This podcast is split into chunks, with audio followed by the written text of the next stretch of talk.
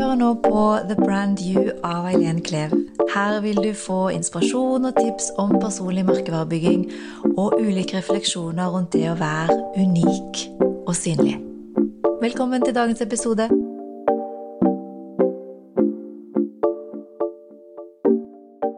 I dagens episode så har jeg gleden av å intervjue Odd Eirik Eriksen. Han er, eller han kaller seg mulighetsutvikler, og kanskje det ordet jeg liker aller best, er Mr. Vinn-vinn-vinn. Ja. Du har også businessen Moai, Mhm. og du har bevegelsen innenforskap. Veldig mye spennende.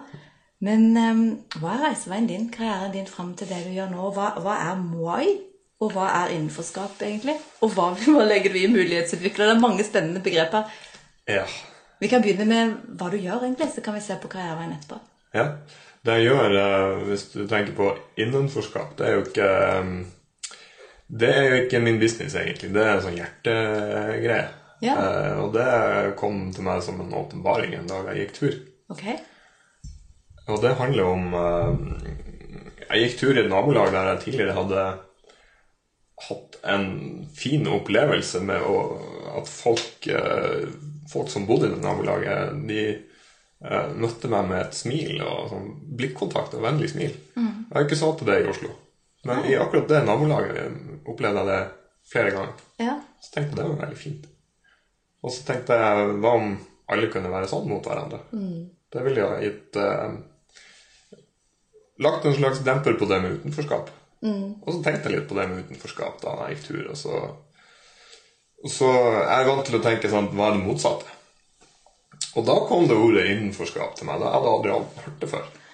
Jeg har ikke vært så veldig inne i verken utenforskap eller innenforskap. Det er liksom nye ord for min del. Ja. Så utenforskap, da, da er du utenfor et uh, miljø? Eller da er du venneløs? Altså, hva er du, er du venneløs? Hva er du når du er utenforskap versus innenforskap? Det kan jo være litt forskjellig, da, men um, det er jo ofte det å stå utenfor arbeidslivet, f.eks. Mm. Om du er arbeidsledig eller ufør eller uh, handikappa eller et eller annet, om du har hull i CV-en eller okay. eh, begynner å bli for gammel for å få jobb og sånne ting, så det å stå utenfor arbeidslivet er et eksempel på eh, å føle eller oppleve et utenforskap. ok. Og det, det er jo et savn å føle seg nyttig. Eh, ensomhet er også en ting. Eh, Det er veldig mange ensomme, særlig i byene. Og det er jo trist, da, for det er masse folk rundt dem. Og da er det jo verst kanskje å være ensom når du opplever at det er veldig mye folk rundt. Ja, ikke sant? Og så ser du kanskje på Facebook at alle andre er vellykka. Um, men det er jo kanskje en tabbe vi alle gjør, å sammenligne Vi kjenner totalbildet av oss sjøl, og så sammenligner vi med det glansbildet som folk velger å vise frem på Facebook. Og da, da er det lett å tape i den sammenligninga. Så det er en felle vi kan gå i. Så hva er målet med innenforskapsbevegelsen? Målet er ja, å få mindre utenforskap, rett og slett. At uh, de som er ensomme, kan få uh, en slutt på det. Jeg har jo kjent på ensomhet sjøl.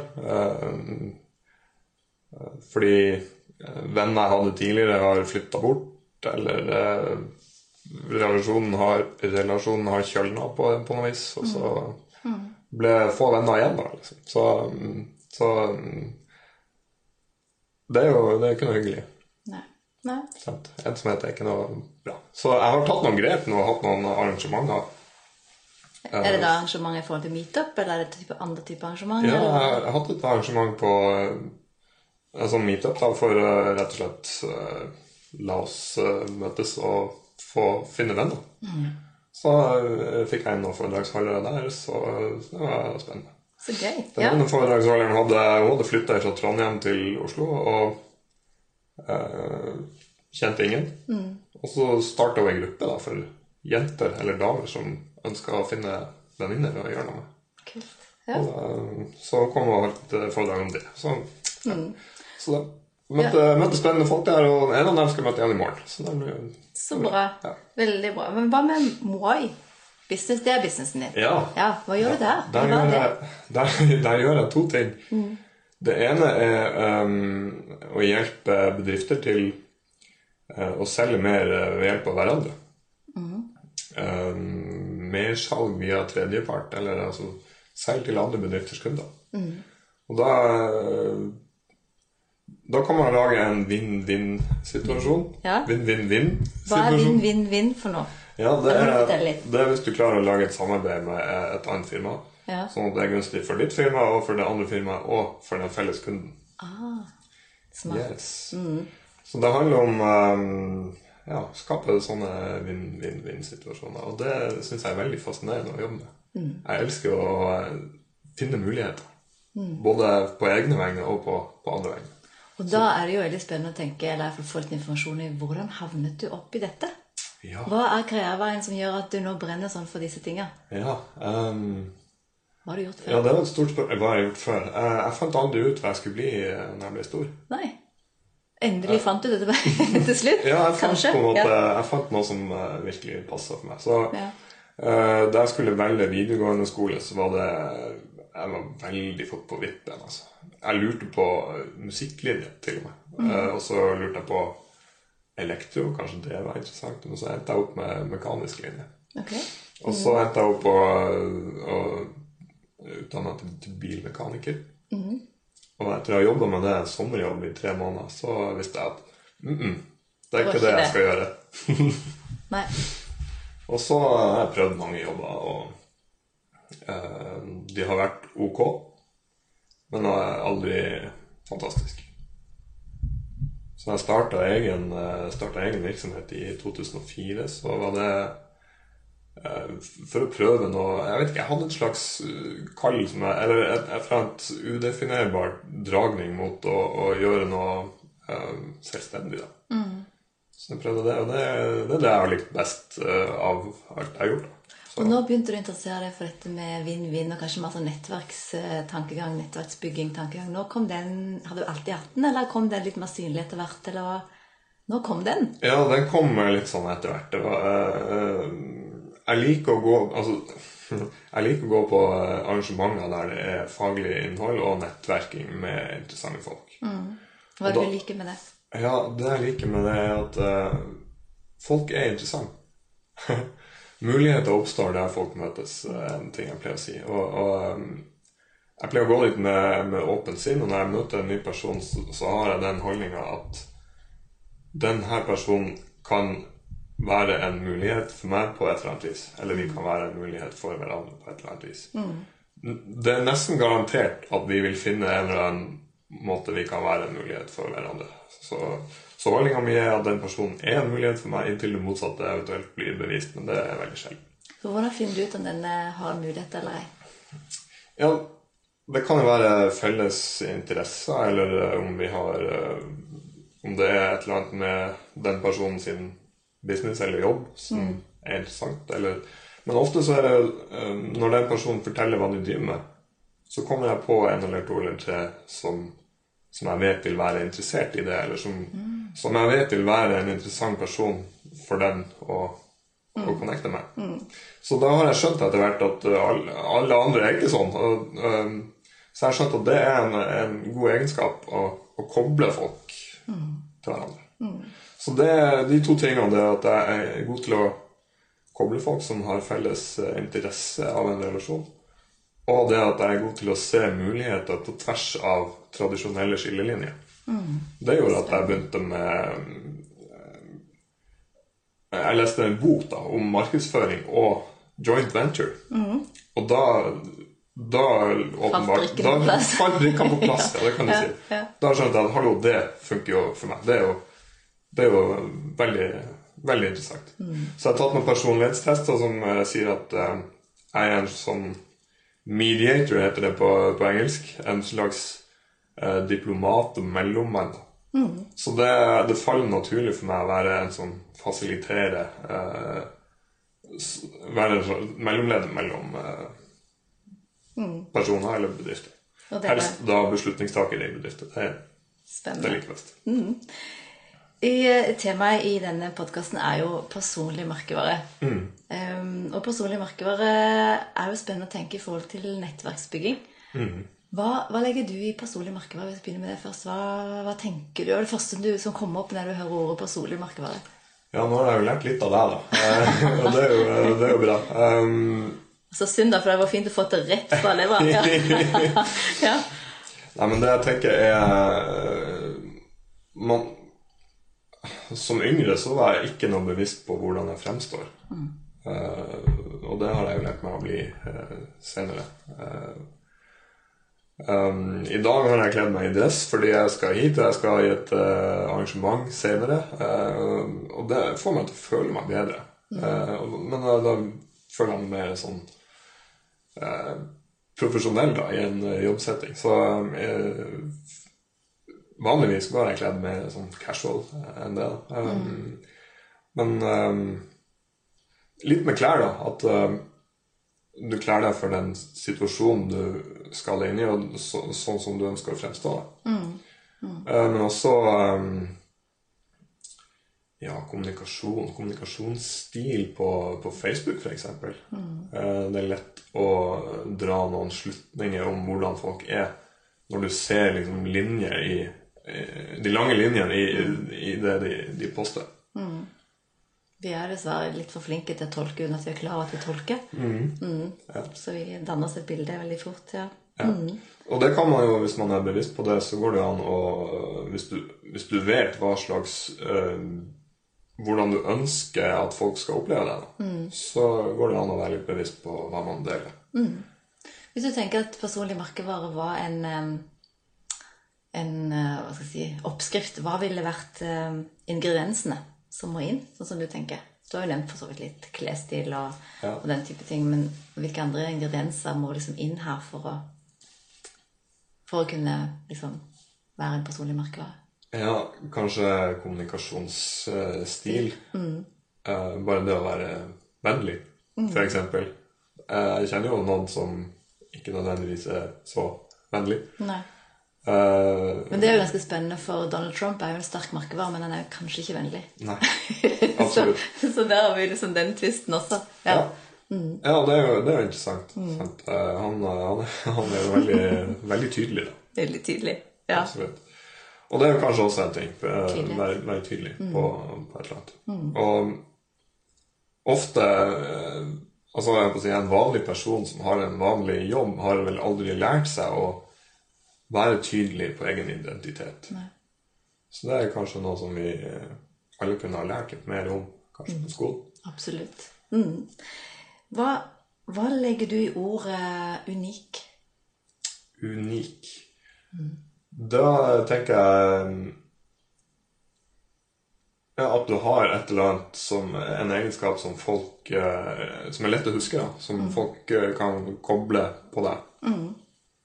Om det er Det er jo noen som har en spesiell klesstil. Eh, det er noen, noen som går med hatt, eller uh, har den samme skjorta. Liksom, de har seks eksemplarer av den samme skjorta, og så bruker de bare den. Litt sånn som Steve Jobs hadde i selskapsmøtene. Ja. Alltid dongeri og sort uh, topp ja. T-skjorte. Mm. Ja. Så det var liksom uniformen hans. ja, ja. Så uh, det er jo en måte å være unik. eller om du bruker en spesiell hatt. Eller mm. Olav Thon, har jo den røde lua f.eks. Mm. Uh, så er det jo noen som Det er kanskje mer, det er kanskje mer vanlig for damer å ha en spesifikk klesstil enn det er for menn. jeg vet ikke. Menn er kanskje ikke så bevisst på, på det. Kan være, og jeg vet ikke, jeg har ikke merket noe spesielt stor forskjell mellom det. Men jeg opplever jo når jeg snakker om unik, så, så, synker man litt sammen i stolen. Når man har, for når jeg har workshop, så er det sånn, når jeg hører unik, så er det sånn Ok, det, det, nå snakker du ikke til meg. Dette er jo ikke meg. Fordi det føles litt sånn Det kan ikke jeg være. Det er jo noen andre som kan eie det. Det kan ikke jeg eie. Ja. Jeg føler meg jo ikke unik. Uh, har du opplevd det samme? Eller eventuelt i ditt nettverk? Eller uh, at det er liksom vanskelig å se på seg selv som unik? Ja, det er kanskje det. Vi, vi blir vel eh, både bevisst og ubevisst eh, blir vi kanskje sånn at vi skal ikke være så unike. Mm. Fordi de som skiller seg veldig ut, de blir kanskje mobba, eller de blir utsatt for eh, forskjellige ting som vi ikke ønsker å bli, bli utsatt for. Og så har vi den der eh, 'du må ikke tro du er noe'. Nei, sant. Janteloven er viktig sant, ja. for mange. Du må ikke stikke deg ut uh, for mye. Nei. Mm. Og det, det, har vi kanskje med Jeg vet ikke, jeg, jeg tror det er litt ubevisst at man uh, Hvis noen prøver å stikke seg litt mer frem, så skal man liksom dra det tilbake. Mm. Jeg tror det er ubevisst. Men uh, ja. Men det er jo viktig å ha de som stikker seg frem. Ja. Og kanskje flere burde gjort det. egentlig. Ja, Mm. absolutt. Hva med Ja. Og jeg tror alle er, alle, alle er jo unike på et eller annet vis.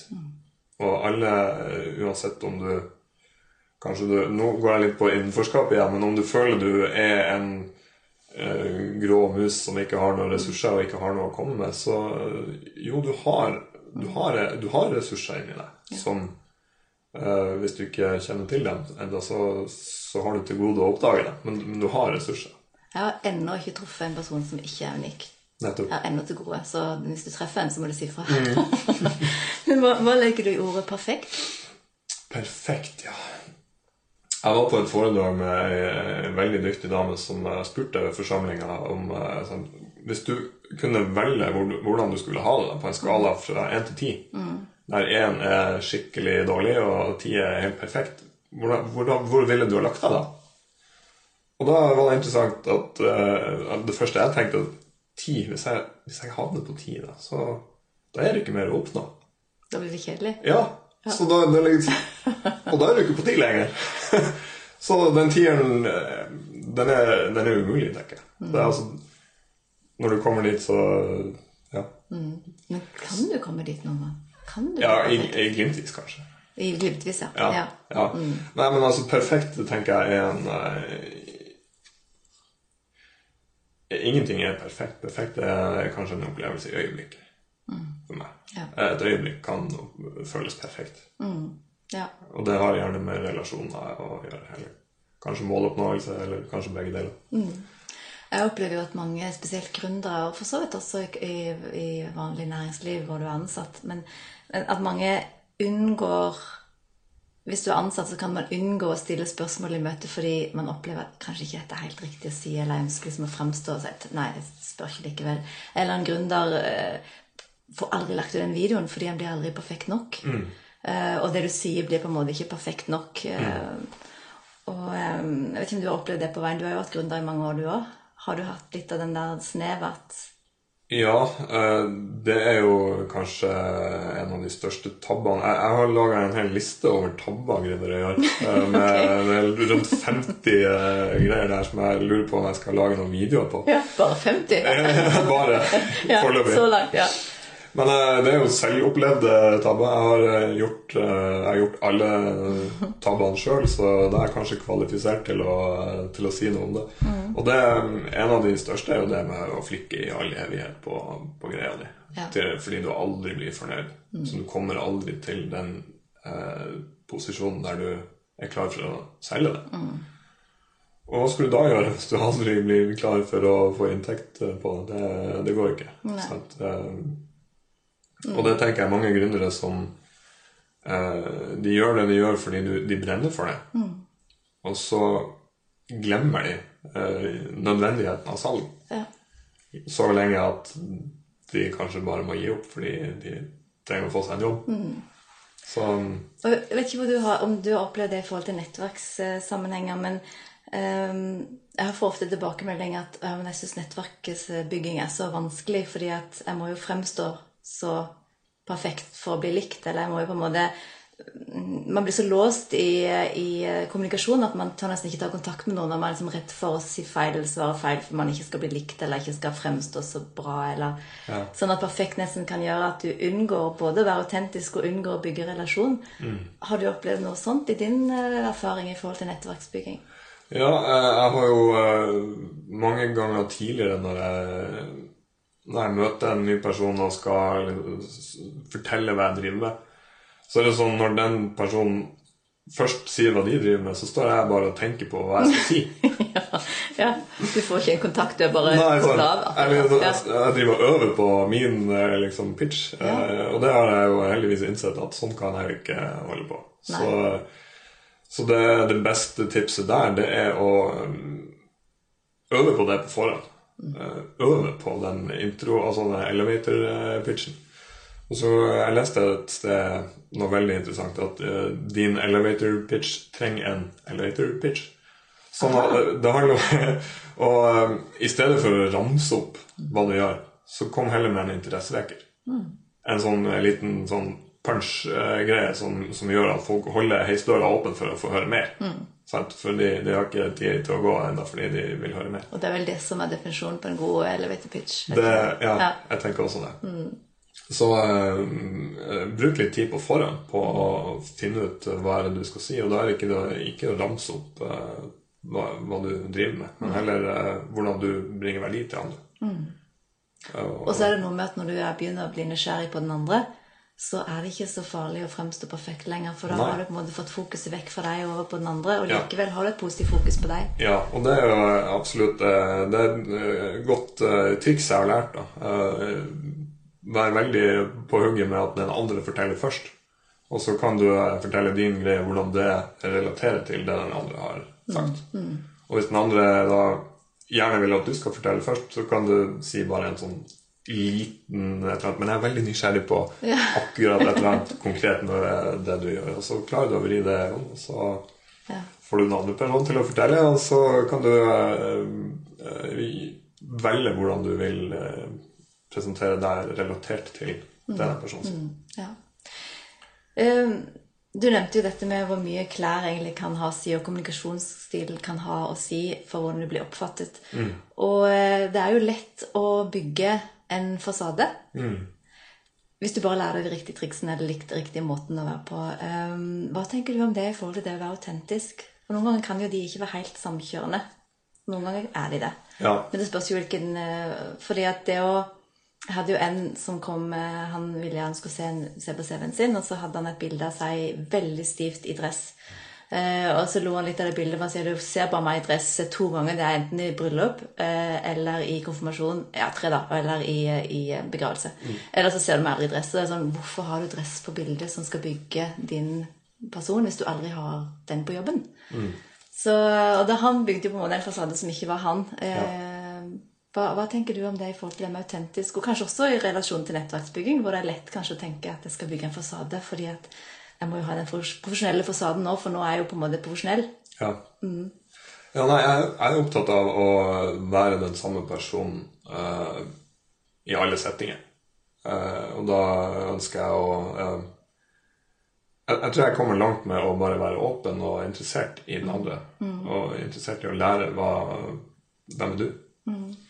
Um, og um, Ja, fasadebygging er jo Det har jeg, det har jeg vel aldri hatt noe ønske om å, å drive med. Jeg, jeg kler meg ikke i dress for å fremstå som noe annet enn jeg er.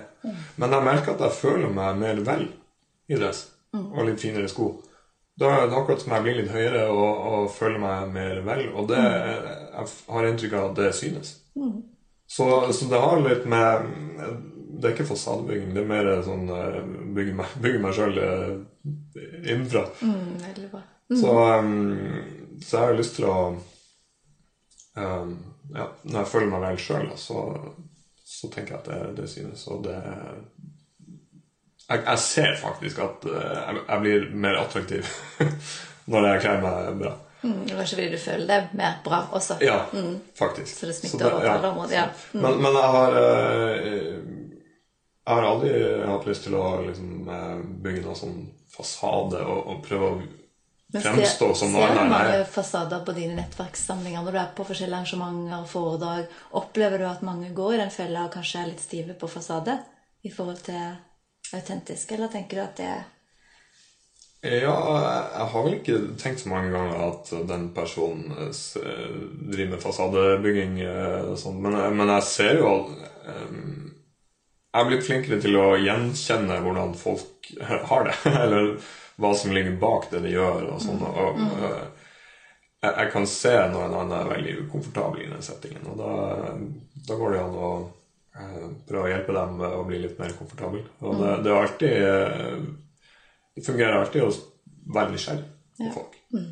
Og stille oppfølgingsspørsmål og være interessert i det de driver med. Være interessert i å prøve å finne verdien i det de driver med, og, og muligheter for dem. og sånn. Da, da løsner det nok eh, for de fleste. Men jeg, jeg ser jo av og til at noen ønsker å fremstå som da enn det. og da... Jeg hadde en kollega en gang som eh, Han hadde kjøpt seg en ny klokke, en sånn svær, dyr klokke. Og da var det liksom Klokka kom først rundt hjørnet, liksom. By the way, liksom. Ja. Det var veldig tydelig at han ville jeg skulle se den. Mm. Eh, og, og da valgte jeg å la være å kommentere på det, og da gikk det ikke lang tid før han sa det. Ja, Se, jeg har kjøpt ny klokke. Ja. det, ja. Da er det jo, altså Nå vil jo han bli synlig på klokka, men eh, en viktig ingrediens for så vidt også i personlig marked, det er jo at du må jo synliggjøre deg ja. på en eller annen måte som er riktig for deg. Ja. Uh, og så er dette bare synlig så vanskelig. Ja, det Hvorfor det. tror du det er det? Uh, jeg tror at det ligger i Vi har det i ryggmargen, at vi egentlig skal ikke stikke oss ut. Ja, Litt sånn janteloven som vi snakket om i stad. Ja, men jeg tror, jeg tror det går eh, Det stikker dypere enn janteloven. Det, er, det handler om eh, eh, programvaren vi har fra urtida, rett og slett. At det, det er tryggere i flakken enn utenfor. Og eh, Så det tror jeg er noe som holder mange igjen ifra å eh, stå opp høyreist og si ta-da, her er, her er jeg det mitt og det jeg kan. Og så er det også kanskje vanskelig å um, gjøre det du liker, og prøve å ta betalt for det uh, fra andre, og, og si liksom Her er jeg, og jeg er en ekspert på det, det som jeg kan. Og det er verdifullt for andre. Det er vanskelig å det er vanskelig å skjønne det, kanskje. Det, det, det føles som, eh, Noen ganger føles det kanskje som en slags eh, at man er en fake hvis man skal eh, prøve å ta en posisjon da, som en ekspert på en, et eller annet. Så det, det er et sånt uttrykk hva heter det, altså, du føler at noen kommer til å avsløre Poser syndrome. Mm. Yes. En dag så blir jeg avslørt ja, at jeg ikke sant, kan dette. Sant, ja, jeg er jo ikke ekspert. ja. Jeg har bare liksom ja. Og den ser man er sterkere og sterkere til stede til lenger opp i organisasjonen i forhold til stillingsnivået du får. Så, Ja. så det er godt trygt å tenke at toppledere har så mye av det. ja. Ja, Ja, det, det tror jeg Det tror jeg alle har. Mm. Og, og særlig da hvis du er gründer og skal prøve å stikke deg frem som eh, den som kan et eller annet, så, så er det veldig fort å komme dit at eh, jeg blir nok avslørt. Ja, men Hva har du gjort for, for å lande i det? For du sier Vi har det alle i ryggmargen, vi har det alle i oss. Men det er jo noen som klarer å komme forbi det likevel og, og gjøre det. Hva tenker du er smarte triks for å hva skal jeg si, omgå denne ryggmargrefleksen som vi har? Ja, um, jeg har jo skjønt at jeg, jeg trenger å bli utfordra. Og f.eks. det med å, å stå på en scene og snakke, det, det har jeg en veldig sånn skrekk for. Skikkelig sånn eh, Ja, skikkelig sceneskrekk. Men så har jeg Du og millioner av andre. Det er ganske vanlig. Ja. Ja. ehm, eh, Seinfeld sier jo det at uh, vi er mer redd for å snakke i forsamlinger enn for å dø. Ja. Sånn at i en begravelse så vil flesteparten heller være i kista enn å være den som holder talen. Ja. Så, så det er vel sånn som vi alle har. Men jeg, men jeg har skjønt også at jeg trenger å utfordre meg sjøl på det. Og uh, da har jeg gjort det. Så jeg har valgt å Bare hoppe i det. hoppe i det, rett og slett. Um, og det um, Jeg har både um, prøvd å stå på en scene, både som en slags vert uh, og introdusere andre. Det liker jeg best. Um, jeg har også vært den som holder foredrag, og det, det var veldig spennende. Jeg gjorde det på en sånn interaktiv måte, på, og så snakka jeg om den ene gangen jeg stått på en scene og liksom vært den som hadde et tema. Da snakka jeg om 'the power of compliments'. Det var veldig eh, hyggelig, og jeg gjorde litt interaktivt, og det, det ble veldig fint. Så jeg fikk fine tilbakemeldinger på det også. Så det var, det var veldig givende. Så, men jeg, jeg føler at jeg har uh, flere budskap som jeg ønsker å å komme ja. ut med. Så jeg har begynt å spille inn litt videoer, og så har jeg hatt noen webinarer tidligere. Og det er den første gangen jeg hadde webinar, så var jeg kjempenervøs. Det var en skikkelig skrekk som satt i, satt i hele kroppen. Men det gikk bare sånn fem-seks eh, ganger, så var jeg rolig under webinaret. Og fikk eh, tilbakemelding på det at wow, så, så rolig og beherska og og behagelig det var. Så um, Det er kult, da. ja, det, det hjelper, med, ja, det hjelper med øving. Øving, øving, øving. øving. Ja. Ja. Og så har jeg lært um, Du så kanskje på LinkedIn at jeg har titulert meg med Mr. Win-Win-Win. ja, vi nevnte det i stad. Ja, Ja. jeg var på et frokostseminar der jeg møtte to andre karer som kalte seg Mr. et eller annet. Mr. LinkedIn. Um, han har jo på kort tid posisjonert seg som uh, eh, kanskje Skandinavias ledende LinkedIn-coach. Og på det samme stedet så var det en annen som kalte seg Mr. SEO. Ok. Sånn Søkemotoroptimalisering. Og da tenkte jeg det, det er jo jammen smart, for folk husker jo det. Ja. Så da eh, Ok, Mr. Win-Win-Win. Da, da tar jeg den i bruk. Og det morsomste var at han som jeg intervjuet forrige intervju, han heter Mr. Modig. Ja, kult. Så her har vi mista det ene og det andre. Ja. Ja, veldig bra. Mm, så det er noe med å ha den der eh, catchy tittelen som folk husker også. i Ja. forhold til det med å være unik. Ja. Ja. Mm. Og derfor uh, liker jeg også å kalle meg mulighetsutvikler. Det, er, det er ikke min idé. Det er, en- idé jeg stjal fra noen andre. Jeg var på et nettsted og fant noen som jeg tror de jobba, med gründere eller på en skole eller noe. Og der var det flere av de som jobba der, som kalte seg mulighetsutviklere. Jeg så det og tenkte åh, det, det vil jeg titulere meg som. For jeg, jeg liker muligheter. Jeg liker å, å um, ja, finne muligheter for, for alle. Hvis du skulle beskrive din egen personlige merkevare oppsummert Du har jo sagt mange stikkord allerede. Hvis du skulle oppsummere det med tre ord, hvilke vil du eh, Oh, oppsummere det med tre ord. Um, Du har nevnt mange allerede. Det handler bare om å velge de tre. ja, ikke sant? Ja. Ja. Nei, jeg tenker være nysgjerrig på andre.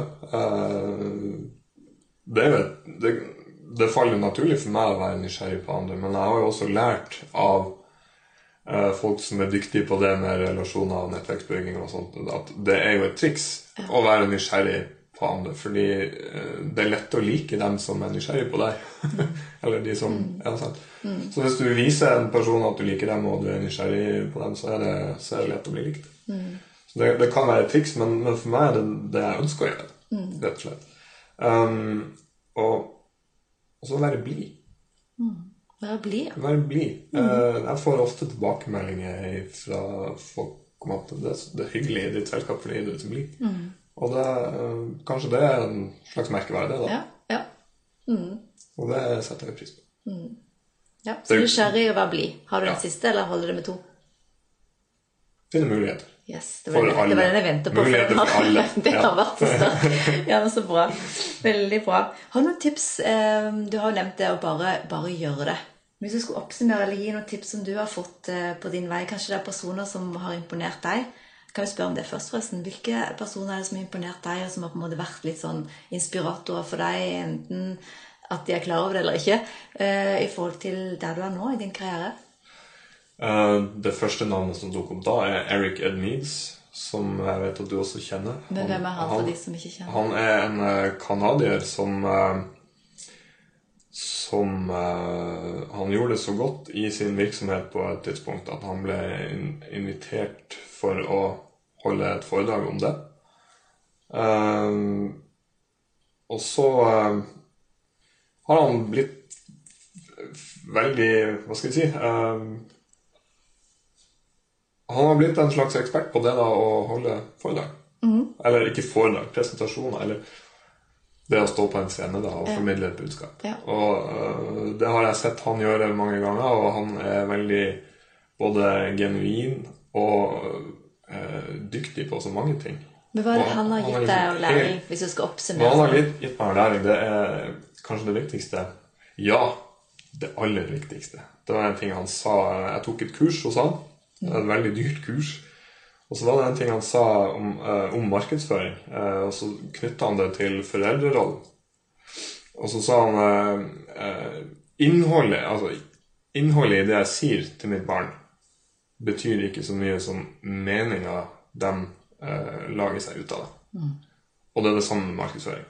Men det var en sånn eh, Det festet seg veldig hos meg. Og det har gjort meg veldig bevisst eh, som pappa. Jeg har en syvåring. Uh, og det har redda meg fra noen, noen ganger der jeg kunne ha eh, sagt noe uheldig, eller oppført meg på en uheldig måte. Fordi det er Det er en annen ting jeg lærte på kurs hos samme Eric and. Eh, Det var et kurs i public speaking, faktisk. Og der var det mange av de kursdeltakerne som sto på scenen og fortalte sin historie om en slags uh, struggle, altså et eller annet de har slitt med. Og det handler om uh, uh, ting de har opplevd i barndommen. som de har blitt påført en eller annen traume i barndommen uten at de som gjorde det, visste om det. Og det handler om den slutninga man gjør. Et, et umodent barnesinn drar en slutning om egen verdi eller posisjon eller identitet som er negativ, og som er feilaktig, men ungen vet jo ikke det. Så den dras med seg resten av livet? Ja, og det, kan, det. ja, og det kan gi deg problemer resten av livet hvis ikke du får, eh, får ordna opp i det. Og det, det jeg så i løpet av det kurset, det var at jeg fant en sånn ting hos meg sjøl, og jeg så at alle, mange av de andre fant òg det, og fikk eh, hjelp til å jobbe seg gjennom det. Ja. Så det var en fin ting å se. Ja. Men altså det å, å bli klar over det, at um, At det som stopper deg, er ikke nødvendigvis nåtidsting, men jeg Nei. skjønne at eh, Ja. klarer du å løsne det, eller finne triggeren, Ja, sant. så blir du mer fri. Men også være klar over det at, at um, det handler ikke så mye om hva du sier, men den meninga den andre personen skaper seg ut av det. Så det er veldig viktig. Det er kanskje det er en av de viktigste tingene jeg har lært. Kjempebra. Da tenker jeg vi skal avslutte med det. Det var en utrolig fin avslutning med noen nye tips i tillegg. Så um, da takker jeg for at du tok din tid til å komme hit. Takk for invitasjonen. Det var veldig hyggelig. Og masse lykke til både med Ma Moai, eller sånn Moai, ja. spennende navn, Moai Business, og ikke minst innenforskap. Det høres ut som du allerede har en ganske sterk rød tråd i karrieren din så langt, så lykke til. Tusen takk for det.